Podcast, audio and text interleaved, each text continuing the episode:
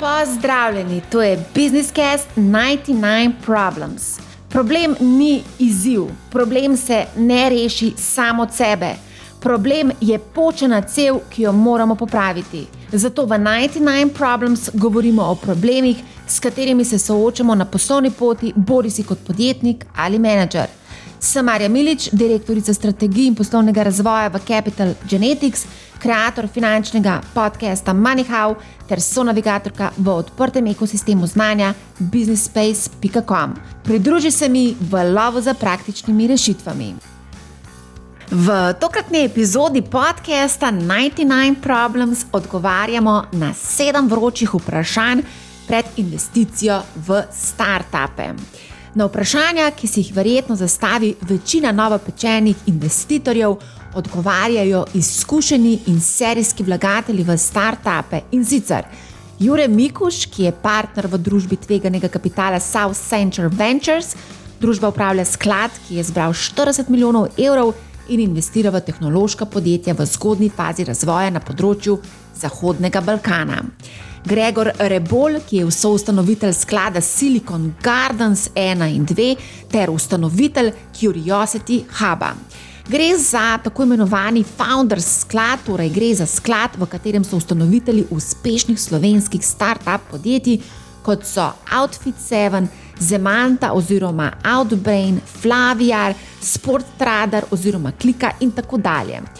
Dejan Mikolič je tretji sogovornik in je ustanovitelj ter direktor svetovalnega podjetja PNS Group. Opravili so več kot 1400 projektov vrednotenja podjetij in Mikolič velja za enega od pionirjev na področju vrednotenja v vzhodni Evropi. Je pa tudi investitor. Vsi omenjeni sogovorniki predavajo tudi na brezplačni šoli za vlagatelje tveganega kapitala, ki se bo odvila od 2. novembra do 3. decembra online. Več informacij o programu in predavateljih najdete na www.solazavlagatelje.com. Ta epizoda je nastala v sodelovanju s Šolo za vlagatelje tveganega kapitala, ki jo organizira ABC Pospeševalnik v sodelovanju s South Central Ventures, financira pa slovenski podjetniški sklad v sklopu Startup Plus programa. Ta epizoda je na voljo tudi na YouTubu Marja Milič, tako da vabljeni, da si tudi pogledate. Predlagam, da gremo kar v akcijo in odgovorimo na sedem vročih vprašanj, na katere mora odgovoriti investitor pred naložbo v start-upe. Prvič, kakšni so motivi za investiranje v start-upe, odgovarja Jure Mikuš. Motivi so različni. Ne? 12 ali 10 ali pa 100x je siguren motiv vsakega investitorja. Ne? Zdaj, eni investitorji si želijo investirati v start-upe, zato da se počutijo mlajše. to je zelo pogosto. Namreč tukaj gre za investicije v time, ki so ponovadi sestavljeni iz malo mlajših ljudi. Eni investitorji investirajo zato, ker želijo biti um, v korak s tehnologijo ne? in zadnjimi trendi. Ne? Eni investitorji želijo zato, ker želijo biti z drugimi investitorji. Se pravi, gledajo to kot na neko članstvo v nekem klubu, ne, v nekem društvu. Ne. Nekdo želi samo dati nekaj nazaj družbi. Ne. Tudi to je zelo, ne samo plemenit, ampak zelo relevanten argument. Ne. Želi pomagati nekomu, kjer vidi samega sebe pred 20-30 leti ne, in želi, da, da ima ta podjetnik boljše možnosti ne, za svoj uspeh. Tako da teh razlogov je ogromen. Ne.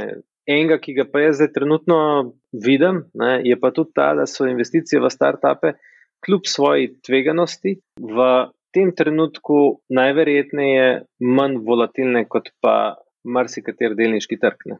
In se splača en mehen del svojega portfelja nameniti tudi, tudi v ta segment. Drugič, ideja ali ekipa, na kaj mora biti vlagatelj bolj pozoren pred samo investicijo, odgovarjata Gregor Rebol in Dejan Mikolič. V teh zelo zgodnih fazah je v bistvu ekipa tisto, kar je doskrat mogoče celo bolj pomembno kot pa sama ideja ali pa recimo temu tam, kjer štartajo. Ne. Pa idealno je, da imaš pač v bistvu mogoče nekoga, ki je serijski podjetnik, ki je zraven. Zakaj? Zato, ker v bistvu klej vse en se pač učiš na svojih napakah, ne, hopefully, uh, in v bistvu potem računaš, da pač naslednjič bo pač bolj izkušen in bo mogoče tudi z večjo samozavestjo pa celo te ustvari.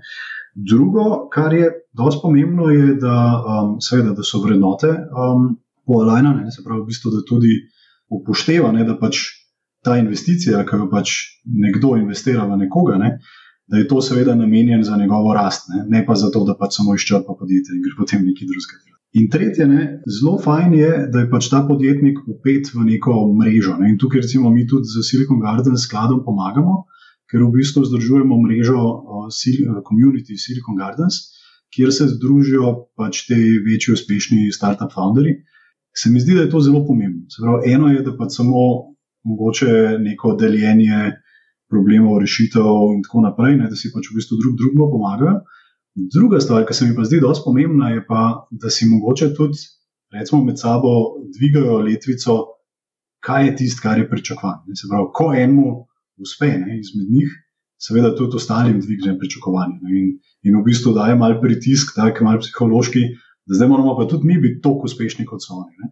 In ponavadi vidimo, da pač taki podjetniki, ne, ki imajo recimo vse te tri lastnosti ali pa te benefite da so bolj uspešni. Ekipa je zelo pomembna, vendar, kar so pa moje izkušnje, bolj z vidika vrednoten in svetovan, je pa ta startup community specifičen. Njihov vse je zelo, cel svet bomo usvojili, kar na nek način je v redu, vendar z vidika vrednotenja oziroma vlaganja v taka podjetja je pa treba biti kot investitor zelo previden, da ne verjameš preveč tem zgodbam. Tretjič, kakšni so ponavadi vložki v to vrstne naložbe, odgovarja Gregor Rebol.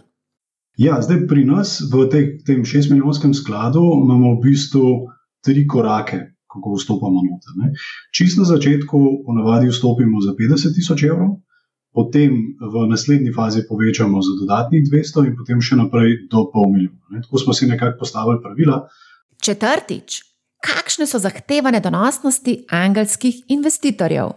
Odgovarja Dajan Mikulič. Na koncu bom rekel, vsak investitor za sebe odloča, tako da tukaj zdaj, uh, ni mislim, nekih pravil. So pa študije in uh, recimo za ta start-up podjetja, ZDA je najbolj razvit trg, tako da tam je tudi največ tovrstnih študij. Uh, tako, študije so pokazale, da se pričakuje med 50 in 70 odstotno donosnostjo. Na leto uh, uh, moš to upoštevati. Ravno je v tem uh, logika tveganje, da bo podjetje preživelo, pa da bo sploh ustvarjalo denarni tok, je zelo veliko in zato je zahtevana donosnost kot izraz tveganja toliko visoka.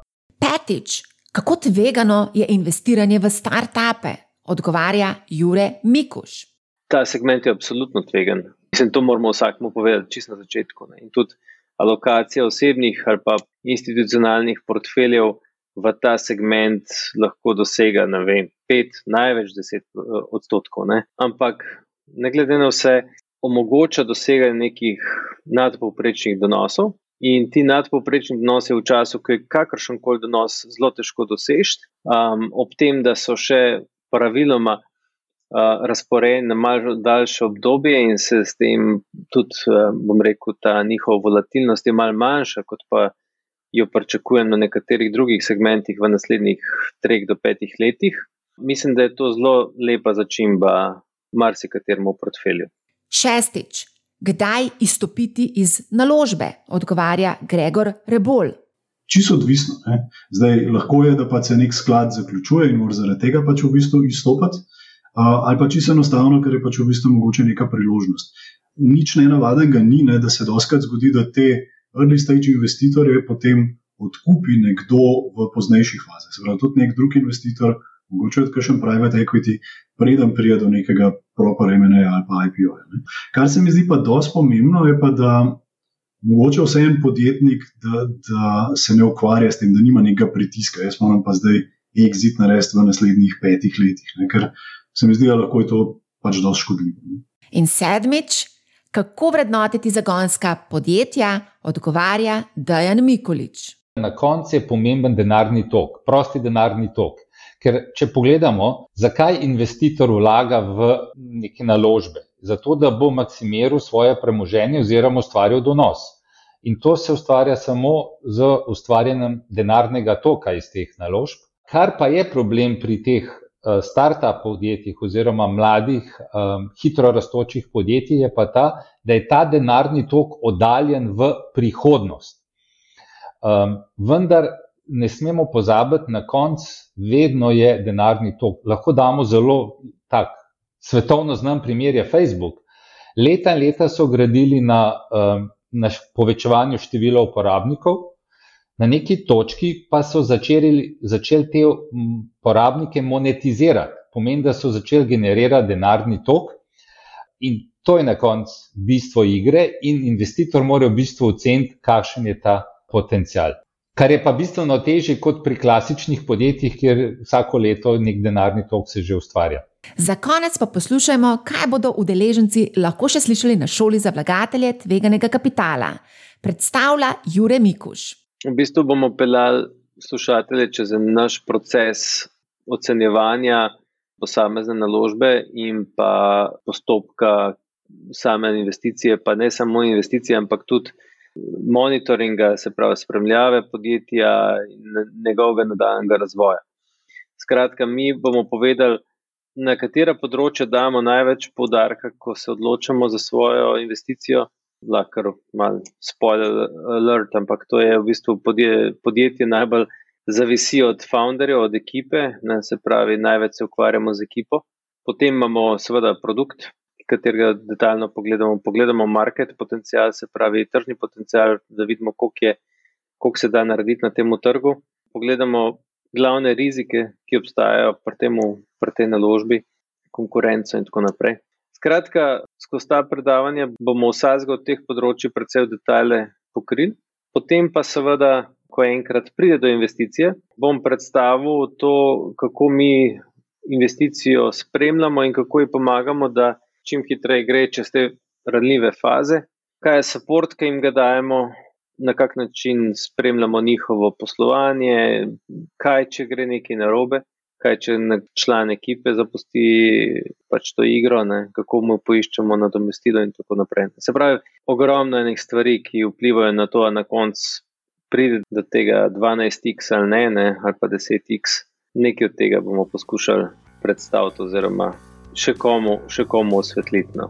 Najlepša hvala vsem sogovornikom. Tokrat smo objavili krajšo verzijo pogovorov, v decembru pa objavimo še bolj poglobljene odgovore.